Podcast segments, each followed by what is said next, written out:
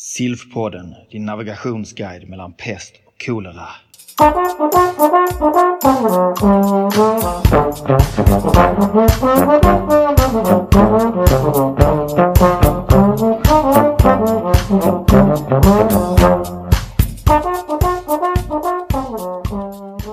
Välkomna till Silfpoddens andra avsnitt och nu befinner vi oss på Näsby slott i, utanför Täby och det är den 19 eh, oktober och jag som pratar heter Johan Tam, jag är från infektionskliniken i Malmö och eh, sedan så har vi med oss lite gäster idag och då kan vi börja med att presentera Martin Glimåker. Var jobbar du någonstans?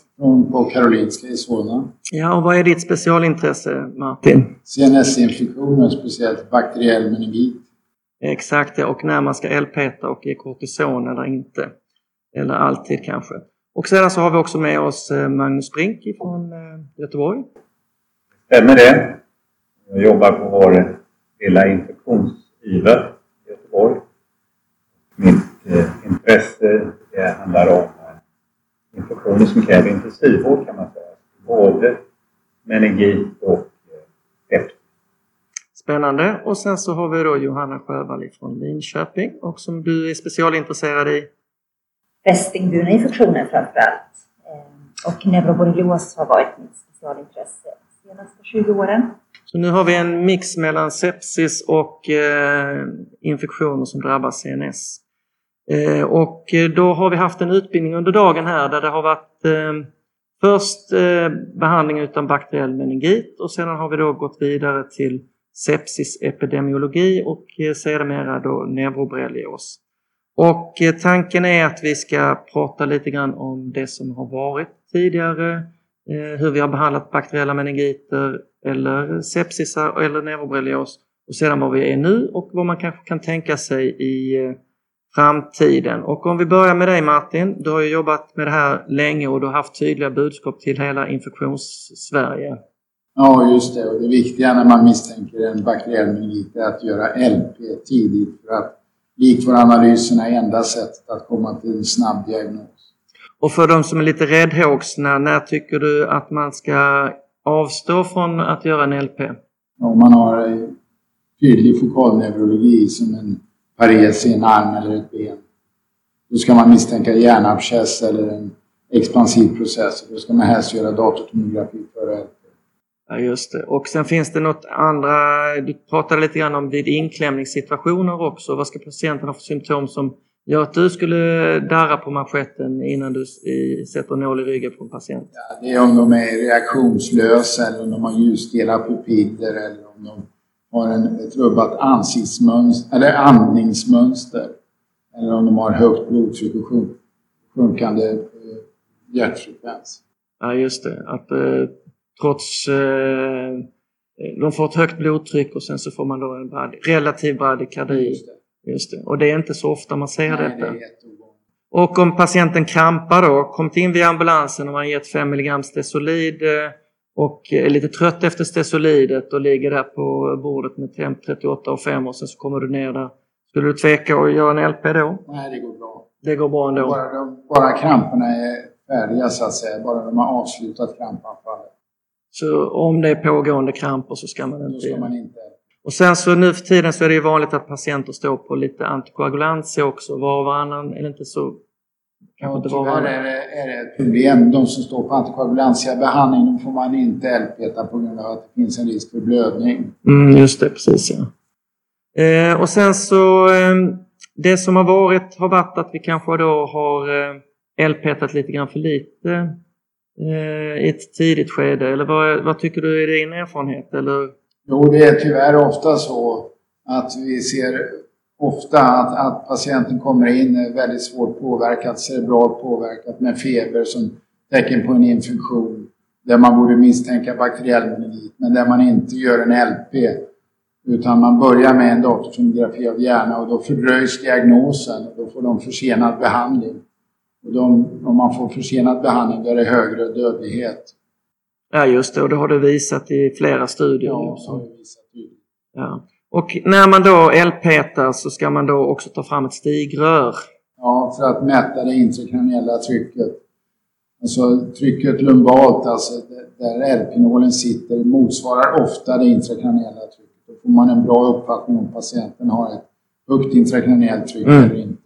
Och vad är högt tryck för dig då Martin? Ja, över 30 centimeter. Mm. Då är det tecken till en bakteriell meningit. Mm. En viral meningit har ofta 20 till 30 centimeter i lumbalt Mm, just det. Och när tycker du att man ska börja ta kontakt med andra vårdinstanser? Om, om det lumbala likförtrycket är över 40 centimeter, då, då bör de ligga på IVA. Mm. Och om det är ännu högre så bör de helst ligga på neurointensiven där vi kan sänka det intrakraniella trycket. Ja, och hur går man praktiskt tillväga då? Det bästa är att anlägga ett ventrikeldränage, alltså att man gör ett borrhål och kommer ner till sidoventrikeln och då kan man dränera likvår med momentan effekt på likvårdstrycket och det intrakraniella trycket. Just det. Ja, det är, låter avancerat. Och bor man ute på landsorten i Kalmar eller Jönköping, vad gör man då? Ja, då får man ta kontakt med närmaste neurokirurgisk klinik mm. om det är så att patienten är aktuell för neuroiva-vård. Mm. hur bra är CT på att uppmäta ett högt äh, intrakraniellt tryck då? Ja, tyvärr inte bra alls. Nej. Utan det är en känslighet på ungefär 50 procent. Mm. Eh, och sen så pratar vi lite grann om kortisonet. Mm. Kortison är viktigt att ge i samband med första antibiotikadosen. Ja, och... Det halverar dödligheten vid pneumokockmeningit. Och så har ni också sett att det minskar kanske mortaliteten vid meningokocker? Ja, även vid meningokocker verkar det vara en fördel att ge kortison. Mm. Och Eh, vaccinationer har inte lett till att meningiter har blivit eh, mindre vanligt vad det gäller pneumokocker? Nej, inte. Vi har fortfarande lika många bakteriella meningiter och även pneumokockmeningiterna har inte minskat beroende på pneumokockvaccinet. Mm. Och för oss som nu är lite specialintresserade av infektioner så eh, är det bra att ha en infektionsläkare med på ett, ett meningo, meningitlarm. Det är en rätt så ledande fråga. Ja, det är en fördel infektionsläkare är mer på hugget så att säga när det gäller bakteriell meningit. Ställer diagnos snabbare, gör LP oftare och behandlar oftare eh, snabbare och därmed eh, är det mindre risk för att patienten dör eller får bestående men. Så vi behövs ute på akutrummet, kan man säga så? Ja, det tycker jag. Det är absolut en, en fördel med en hög infektionskompetens i, i första rummet på akuten. Ja, där hör ni SKR. Fler infektionsläkare på akuten ja. Eh, är viktigt och att vi är närvarande på akuten. Ehm, sen pratar vi lite grann eh, om eh, om vi ska prata om framtiden. Vad tror du? Vad säger vi inom meningitsjukvården om tio år? Ja, alltså vi, vi har ju en dödlighet idag på 10 procent och det verkar vara svårt att eh, komma under den eh, procentsiffran. Vi har ju kämpat i många år med successivt sjunkande mortalitet i Sverige men det verkar svårt att komma under 10 procent. För att göra det så tror jag ju att eh, ytterligare adjuvant behandling eh, skulle behövas. Eh, men vi är, vi, är, vi är fortfarande ett problem när det gäller att få in behandlingen i tid. Mm. Så skulle vi få snabbare insatt adekvat behandling så skulle vi kunna komma ner i mortalitetssiffrorna. Mm. Okej, okay. mycket spännande. Um, ja, ska vi kanske gå vidare till uh, sepsisepidemiologin, Magnus? Och olika definitioner som har uh, gått uh, oss förbi, både sepsis 1, 2 och 3. Uh, hur ser du på definitionen av sepsis nu för tiden? Ja, det är ju viktigt att ha helt klart för sig att sepsis inte kan betraktas som en sjukdom i sig, utan det är ju en beskrivning av en allvarlighetsgrad vid systemiska infektioner. Att eh, under sepsisdiagnosen finns det som regel en, en, en organdiagnos. Den vanligaste organdiagnosen är ju lunginflammation. Och sepsisbegreppet eller sepsisbegreppen, vi pratar ju både om sepsis och septiskock, ska användas för att precisera eh, graden av allvarlighet som då kopplas till generaliserade problem som kan uppstå vid de här infektionerna som har med organ, sviktande organfunktioner att göra. Det är ju själva nyckeln till förståelse av den moderna sepsisbegreppet. Att det är organdysfunktion som inte Ja, det är intressant för det känns ju som ju längre tid man har jobbat desto fler diagnoser blir sepsis. Snart så omfattar sepsis hela infektionsboken på något sätt. Det, det stora problemet som vi har att brottas med det är ju att ordet sepsis har använts och fortfarande i viss mån används för att beteckna andra tillstånd eller andra fenomen inom medicin, det vill säga positiva blododlingar.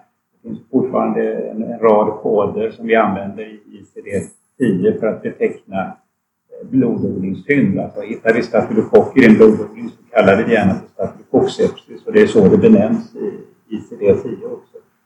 Och det här skapar ju ständigt förvirring. Det är så att säga terminologisk arkeologi som fortfarande jagar oss lite grann och, och förmörkar vårt tänkande.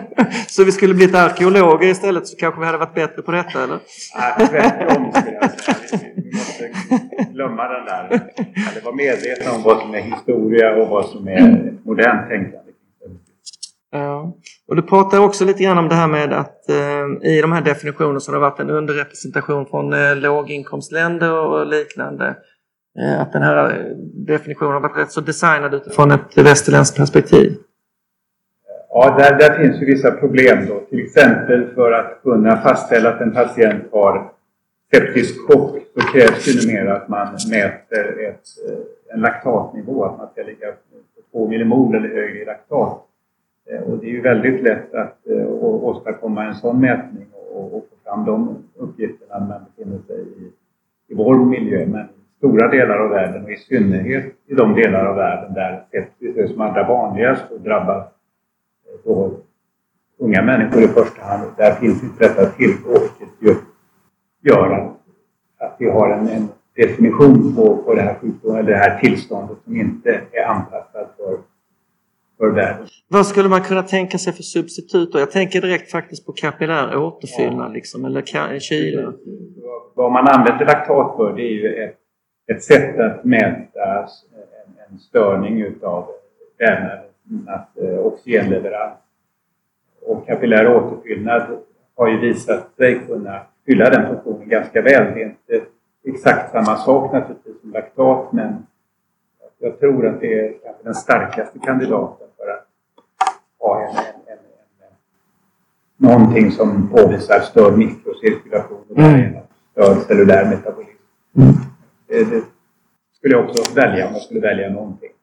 Och sen den här breda definitionen som du pratade om, att eh, inom intensivvården så var det inte så stor skillnad mellan eh, definitionen av svår sepsis kontra sepsis. Men om man tittar ute på våra avdelningar så är det väldigt många av våra patienter som har sepsis kanske på en infektionsavdelning utan att vara så svårt sjuka, eller? Problemet är, är ju att vi har valt, man valde i sepsis 3 att använda sig av SOFA-scoringssystemet för att, för att gradera Eh, organsvikt i sex olika organsystem.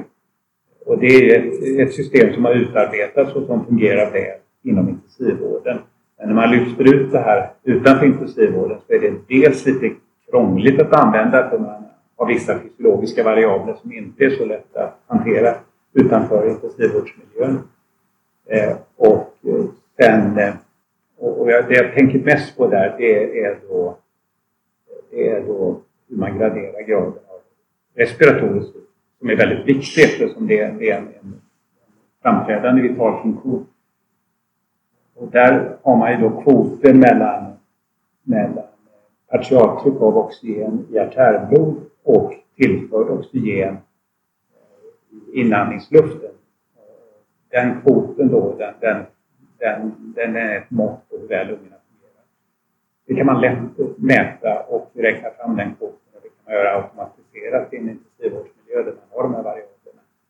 Men utanför intensivvården så måste vi förlita oss på pulsoximetrar och vi vet sällan riktigt hur mycket syrgas vi ger patienterna eller i termer av hur mycket, vilken fraktion som når alveolerna. Så det, det är en svårhanterlig variabel och eh, det har också visat sig att i den, på vårdavdelning, vårdavdelningsmiljö så är det nog gränserna lite för snällt satta. Det är lite för lätt att utifrån de pulsoximetervärden som man kan då approximera till få sepsis, vilket gör att vi har en lite för stor kohort på våra avdelningar som klassas för Ja, du nämnde ju att den vanligaste orsaken till sepsis på våra vårdavdelningar är väl då pneumoni och då kan man ju tänka sig att en eh, syresättning på, eh, vad sa du, du sa 92-93 procent eller någonting sånt där. Ja. Redan där går gränsen. Ja, och redan där så eh, upp mot 95 procent så får man en SOFA-poäng eh, och då, då är man ju nästan hemgångsmässig. Har man då lagts in så... Det där har ju också Lars Ljungström visat, infektionsläkarkollega i Skövde som har ett stort prospektivt material av patienter med sepsis. Han har just jämfört eh, hur sepsis 3 presterar jämfört med, med det äldre sepsisbegreppet och, och visat att man får en skevhet, man får ett, ett fel här som gör att vi får lite för många patienter som får sepsisdiagnos. Och för många i relation till alltså vilken, eh, hur sjuka de verkligen är och hur betjänta de är av de särskilda interventioner och, och, och liksom, eh, tillvägagångssätt som vi, vi ska använda på de sjukaste patienterna. Mm. Eh, sen så visade en studie som jag tyckte var väldigt spännande och intressant eh, från eh, jag tror det var New England, eh, eller om det nu var JAMA kanske, från 2019 med en eh, sista författare som heter Klompas. Eh, det var, hette den READ-studien här där man pratade om hur vanligt det var att patienter fick sepsis på sjukhuset. Eh, vill du nämna några ord om den för den tyckte jag var spännande.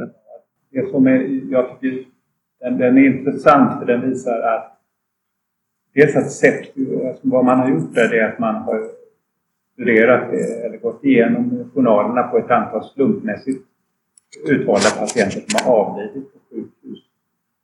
Och man, vad man fann där då, det var att en väldigt hög andel av de här patienterna, närmare 50 procent, eh, där, där fanns sepsis med i, i, döendet. De här patienterna hade alltså sepsis. Vad man, nästa analys man gjorde, det var att titta på hur den hela, så att säga, helhetsbilden såg ut. Man tittar på i vilken mån man ansåg att dels eh, eller i vilken mån man ansåg att sepsisen hade varit eller döden, sepsisdöden hade varit relevant. Hur, hur, hur, vanligt att patienten hade dött, hur betydande det hade varit för att patienten hade dött i vilket fall som helst, eller hur? Ja. ja. Och, och vad man hittade då är att en väldigt stor andel av de här patienterna har ju allvarliga underliggande sjukdomar. Alltså i, i livets slutskede. De har cancersjukdomar, de har avancerade lungsjukdomar och andra icke botbara tillstånd och att sepsis då tillstöter som en terminal dödsorsak. Mm. Det var bara på, hos 3,7 procent tror jag du nämnde som där verkligen sepsisen på sitt sätt spelade roll för att patienten dog. Ja, inte, inte riktigt så. Inte riktigt så. 3,7 procent där man ansåg att man hade kunnat undvika döden genom ett mer korrekt mm. sepsisanläggande. Det är lite annorlunda. Ja, det har du rätt Men det är den potential som ett förbättrat eh, sepsisanläggande skulle ha att påverka mortaliteten. Ja, exakt. Och då, det för en tankarna till eh, covid-pandemin som vi har nu där det är rätt många äldre på äldreboenden som har fått olyckligtvis eh, strukit med. Och man undrade jag tror att eh, man lever i snitt ett år om man har blivit satt på ett sånt här eh, vårdhem. Så att det var nog eh, rätt så många i den gruppen som kanske hade strukit med i vilket fall som helst. Eh, sen nämnde du lite grann om eh, den här eh, studien som var från eh, Lancet 2019 med The Global Burden av eh, Sepsis. och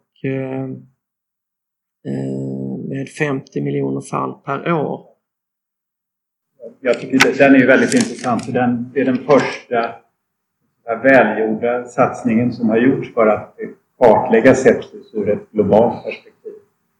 Och man finner ju då att sepsis är ett, ett stort och betydande hälsoproblem. Eh, men det man också finner det är att eh, överdödlighet, eller dödligheten i sepsis huvudsakligen drabbar låginkomstländer, huvudsakligen afrikanska länder. Mm. Och att det är där man har en, ett helt annan profil på hur sepsistillståndet ser ut, nämligen att det företrädesvis unga människor, väldigt stor andel som är barn. Och att där finns alldeles uppenbart en väldigt stor potential för att, att eh, påverka sepsisdödlighet. Mm. Där finns ett helt annat utrymme för, för handling än vad det kanske finns i vår västerländska sjukvård och vårt samhälle. Jag håller helt med. Eh, det känns som att vi har mycket att jobba med där. Eh, och eh, slutligen då, nu pratar vi om sepsisepidemiologi framför allt och definitioner. Men hur ser du dig en framtid om 5-10 år? Är det så enkelt så att det är ett labbprov som bestämmer allting eller hur skulle du vilja se på det? Nej, jag tror man måste vara ganska ödmjuk inför det. Jag tror framförallt att kanske kommer att förändra våra begrepp och eh, hitta undergrupper av sepsis som vi kanske tvingas att kalla för något helt annat. Mm. Jag menar själva sepsisbegreppet som helhet och bilden av sepsis som ett stört systemiskt svar på infektion med, med skadliga konsekvenser på olika organsystem. Någonstans där finns ju fortfarande den här förhoppningen att vi ska finna terapier som modifierar och återställer balanser och där, därigenom då skyddar kroppen från livshotande organdysfunktion. Och jag tror att det är möjligt att vi kommer finna sådana terapier. Vissa undergrupper av sepsis, men knappast något läkemedel som så att säga ska användas för hela den här stora heterogena populationen som helhet. Utan kanske är så att om 10-15 år har vi ett mer uppsplittrat sepsisbegrepp med flera undergrupper varav vissa kanske kan vara betjänta av vissa terapier och andra inte. Spännande, för just nu känns det som att den enda, även om vi nu har provat massa IL-6-hämmare under eh, eh, coronapandemin så känns det fortfarande som att det enda som har stått sig stadigt sedan 60-talet är ju kortisonet. Är det inte så? Det är, det är ju så att säga allt vi har lyckats hitta som kan påverka immunapparaten i någorlunda gynnsam riktning. Hur står det till i infektionssverige egentligen? För det enda vi har upptäckt är kortison och antibiotika. Allt upptäcktes någon gång på 50, 60, 30, 40, 50, 60-talet. Så försöker vi bara hitta vilka patienter som vi ska behandla med samma sätt. Uh, ja, vi har utvecklingsmöjligheter. uh, och uh, då kommer vi slut till, vidare till en annan diagnos då eh, där vi kanske inte har så stor nytta av kortison utan då är det neuroborrelios. Eh, och då har vi dig Johanna Sjövall. Eh, och vad säger du om jag säger eh, borrelia serologi positiv? Svagt, starkt positiv? ja, jag mig huvudet tror jag. Jag säger att det ger mig inte så mycket.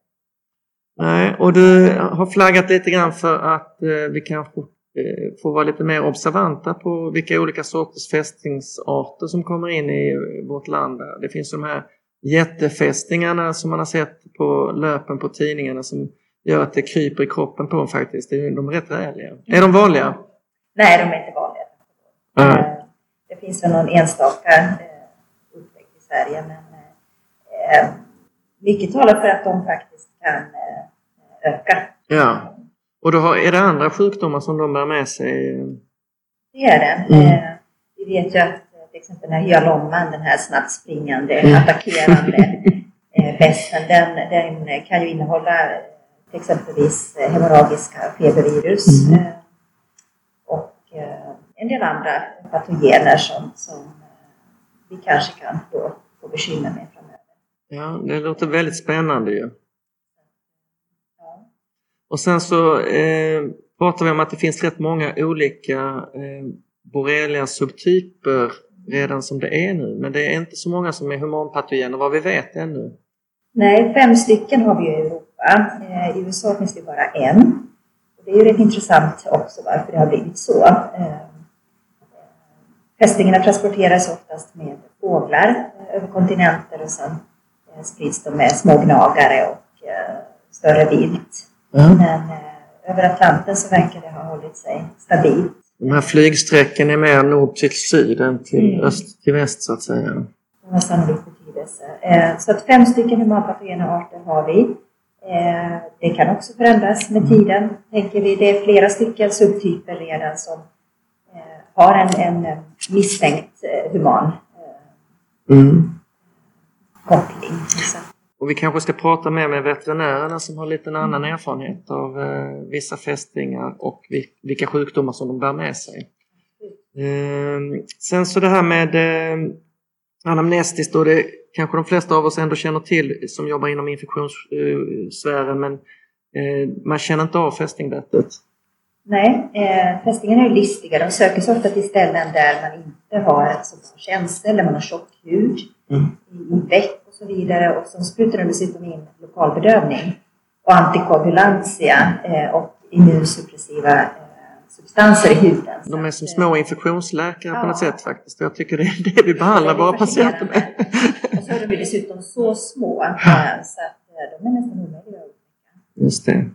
Och var, var, var finns de här fästingarna? Det var faktiskt lite nytt för mig. Du menade på att de fanns mer i lövtäcket tänkte jag på. Men Många tänker ju att det är högt gräs, Mm. eh, mera ängsmiljö där man kan eh, få fästingar. Men, men de facto så håller de sig eh, mest under lövbestånd, alltså torkade löv där det är en fuktig undervegetation. Eh, Så att eklandskap med mycket torra löv är, ganska typisk fästingvegetation.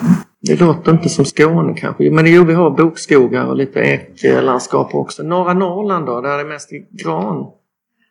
Sen är ju temperaturen ofta Mm. annorlunda och det är Mm. torrare och eh, kallare. Så att, eh, men de fästingbeståndet drar ju sig norröver, det ser man ju tydligt. Eh, För det, är det väldigt fuktigt i naturen och det har regnat mycket, då söker sig fästingarna mer upp på grässtrån. Mm. Man kan, man kan absolut få dem i egen gräsmatta, men, men det vanliga är mer under vegetationen. Mm. Och borrelia är ju känd som den stora sjukdomsimitatören. Men om man nu ska på något sätt försöka hålla sig till någon europeisk eh, konsensus kring hur man ska diagnostisera neuroborrelios, vilka kärnpunkter skulle du vilja lyfta fram då? Eh, det är ju tre stycken diagnoskriterier varav symptom är en och eh, det man ska fokusera på är ju den här neurogena smärtkomponenten som Mm. är, eh, skulle jag vilja säga, ganska typisk. Intensiv, svårbehandlad smärta som, som accentueras nattetid eh, och som patienten ofta söker för. Den Mm. är alltså outhärdlig eh, och gör att man inte kan sova. Eh, Den kan finnas på olika delar av kroppen, oftast extremiteterna eller ryggen. Och sen behöver man ju sticka i ryggen. Här också är lumbalpunktion väldigt viktigt. Och då ska vi inte använda oss av Martins tjocka nål. Nej, utan då är det ju bra att ha en sån här pinpointad pneumatisk nål för att Är inte det lite klurigt? ja, man behöver ju Vanlig få en sak. Ja. Det droppar ju lite långsammare och det är lite mäckigt. Men, men eh, det här är ofta polikliniska utredningar Mm. eh, och vi vill ju inte åsamka patienten eh, Postspinal huvudvärk. ökad risk för Mm. postspinal huvudvärk. Sen behöver det ju inte, det är ju inte en grumlig likvår så att Mm. det droppar ju bra ändå i Mm. de här tunnhålen. Och hur ser då likvårbilden ut? Kan man ha, liksom, säga att man inte har några celler i, i, spinalvätskan där? Är det neuroborrelios? avslutar vi utredningen. Mm. Eh, Det krävs alltså en, en eh, pleocytos Mm. för att eh, vara en aktiv neuroborrelios. Sen kan man ju ha de här antikropparna i likvår, de kvarstår ofta livet ut. Mm. Eh, eh, Så att eh, skillnaden mellan en genomgången neuroborrelios och en aktiv eh, neuroborrelios är just att du har en, en cellstegring. Just det, så att du kan ha höga intratekala antikroppar oavsett vilket. Eh, och sen så pratar du om ett eh, prov som eh, heter CXCL13. Ja. Eh, vill du berätta lite om det? Det är ju en kemokin, alltså en signalsubstans som produceras av eh, tidiga immunförsvaret kan man säga, av antigenpresenterande celler och som har eh, syftet att locka till sig eh, framförallt B-celler, alltså de antikroppsproducerande cellerna till likvår. Och det har eh, senaste decenniet visat sig att den här markören, eller kemokinen, eh, verkar eh, stiga väldigt snabbt och till väldigt hög nivå just vid neuroborrelios. Mm. Eh, Det finns några andra tillstånd som, som man kan ha likvärdigt höga nivåer och det är neurosyfilis och kryptokockmeningit. Eh, enstaka CNS-lymfom eh, kan också ha de eh, nivåerna. Men det är ju, det är ju så sällsynta diagnoser. Så att, vi använder oss av det som en hjälpmedel eller som ett stöd i diagnostiken när man inte har antikroppsdiagnostiken Mm. klar i likvår. Har du hittat någon syfilispatient, ursäkta fri associationer, medan du har letat efter dina neuroborreliospatienter Nej. förresten? Nej. Det är en annan grupp kanske. Ja. Eh, sen så eh, diskuterar vi lite grann om en indelning av neuroborrelios, både tidig och sen. Skulle du berätta kort hur de skulle kunna skilja sig åt lite grann? Eller? Det är ju mest kanske av akademiskt mm. intresse eller neurologisk indelning. Så. Men den tidiga neuroborreliosen är ju den klassiska som vi förknippar med neuroborrelios, eh, det vill säga att man har en, en meningit. Man kan även eh, ha en vaskulit ganska tidigt eh, i förloppet, alltså inom tre månader. Eh, eh, men sen är de här sena symptomen, det är ju de vi tänker på när vi tänker på den här demensliknande mm. bilden som man ju inte får kalla demens då, mm. utan det är en, en reversibel kognitiv mm. svikt. Mm. Eh, väldigt ovanligt idag, men så sågs förr, framförallt när vi inte eh, uppmärksammade borrelia-diagnosen på samma sätt. Eh, och sen finns det då um, den här perifera polyneuropatin som är förknippad med den här eh, kroniska eh, hudborreliosen, alltså akrodermatiten. Mm. Eh, den kallas också då för en neuroborrelios, men den är en perifer, eh, perifert neurogent engagemang. Mm. Det tänker vi ju inte på egentligen, det skulle kallas för neuroborrelios. Eh, och i klinisk praxis så använder vi oss inte av det begreppet. Nej, och behandlingen blir väl ungefär densamma ja. då ja. Och hur, skulle vi, hur behandlar vi vår neuroborrelios nu för tiden? Allt från barn och uppåt. Mm. Med fördel med oss. Mm. Och du pratade lite grann om de här eh, eh, koinfektionerna också. Vill du berätta lite grann om det Johanna? Det var väldigt spännande. Ja, vi, vi eh, har ju eh, förstått med tiden att eh, fästingarna innehåller ju inte bara borrelia utan kan ju innehålla TBE-virus som vi känner till. Men eh, även många andra eh, bakterier och parasiter.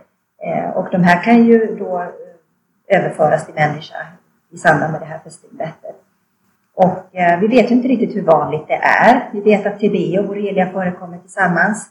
Eh, men eh, saminfektion med borrelia och, och exempelvis anaplasma vet vi förekommer, men om de sen finns i CNS bägge två, det, det, eh, det vet vi ju inte. Eh, det finns många, flertalet djurstudier som visar att eh, många av de här eh, andra fästingburna patogenerna eh, kan faktiskt ge meningit eller encefalit hos katter och, och, hundar och så vidare. Det är dåligt studerat hos människan. Mm. Men att vi eh, nog framöver kommer behöva tänka på andra diagnoser parallellt med för utredning av borrelia. Mm, det, det, man pratar lite grann om uh, emerging diseases på något sätt, att det blir nya arter som kommer hit här också. Mm. Uh, du pratade om en speciell sorts uh, uh, borrelia Miyamotoya. Just det. Jättesvårt att uttala. Det den upptäcktes första gången i Japan och det är ju en annan familj av borrelia-bakterier som tillhör den här återfallsfeber-borrelia-gruppen. Och den kännetecknas ju av återkommande feber, eh, precis som borrelia recurrensis.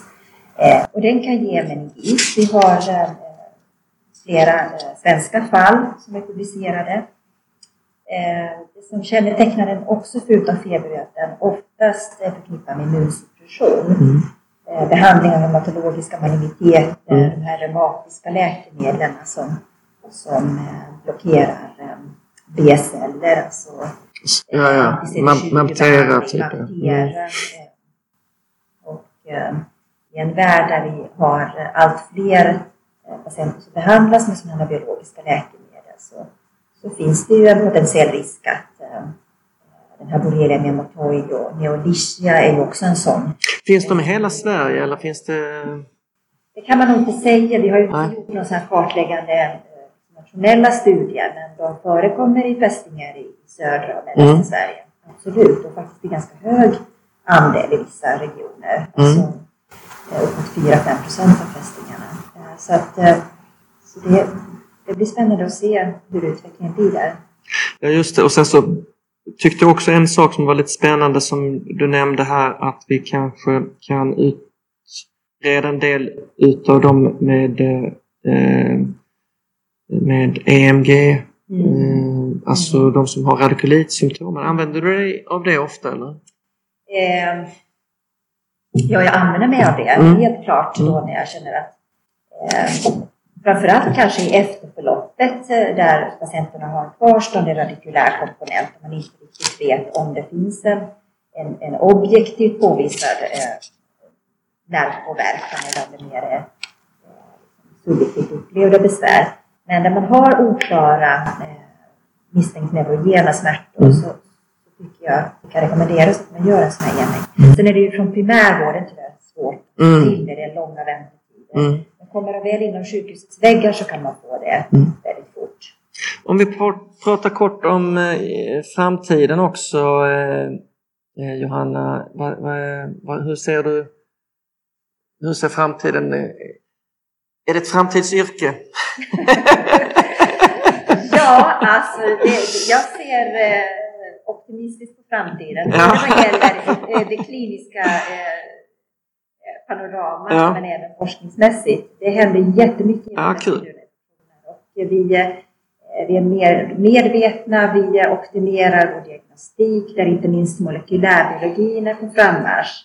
Eh, och eh, ja, Spännande och eh, som du slutligen sa att eh, när jag försökte tänka att nu måste jag plugga in alla de här olika koinfektionerna då, då nämnde du också att doxycyklin är bra. Det är ju bra. Det tar ju tack och lov de flesta av de här patogenen. Det tar borrelia, det tar borrelia pneumatoid, det tar anaplasma, neodicea. Det är egentligen TBE-virus och eh, babesia då som Just det. eh, Som sticker ut. eh, bort. Men eh, babesia är ju tack och lov mycket, mycket sällsynt. Ja, just Det inga kliniska fall som jag vet i Sverige senaste decennierna. Nej, det kan jag inte. TB kan man väl ändå säga att det finns ingen som är bättre än Doxycycline. Nej, just det. Eller hur? Ja. Ehm, Okej, då skulle jag vilja tacka er så hemskt mycket för att ni ställde upp på denna eh, korta lilla pratstund. Eh, och eh, då så eh, återkommer en del av oss med en ny diskussion imorgon. Eh, och eh, ja, tack så hemskt mycket för att ni tog er tid. Tack, tack!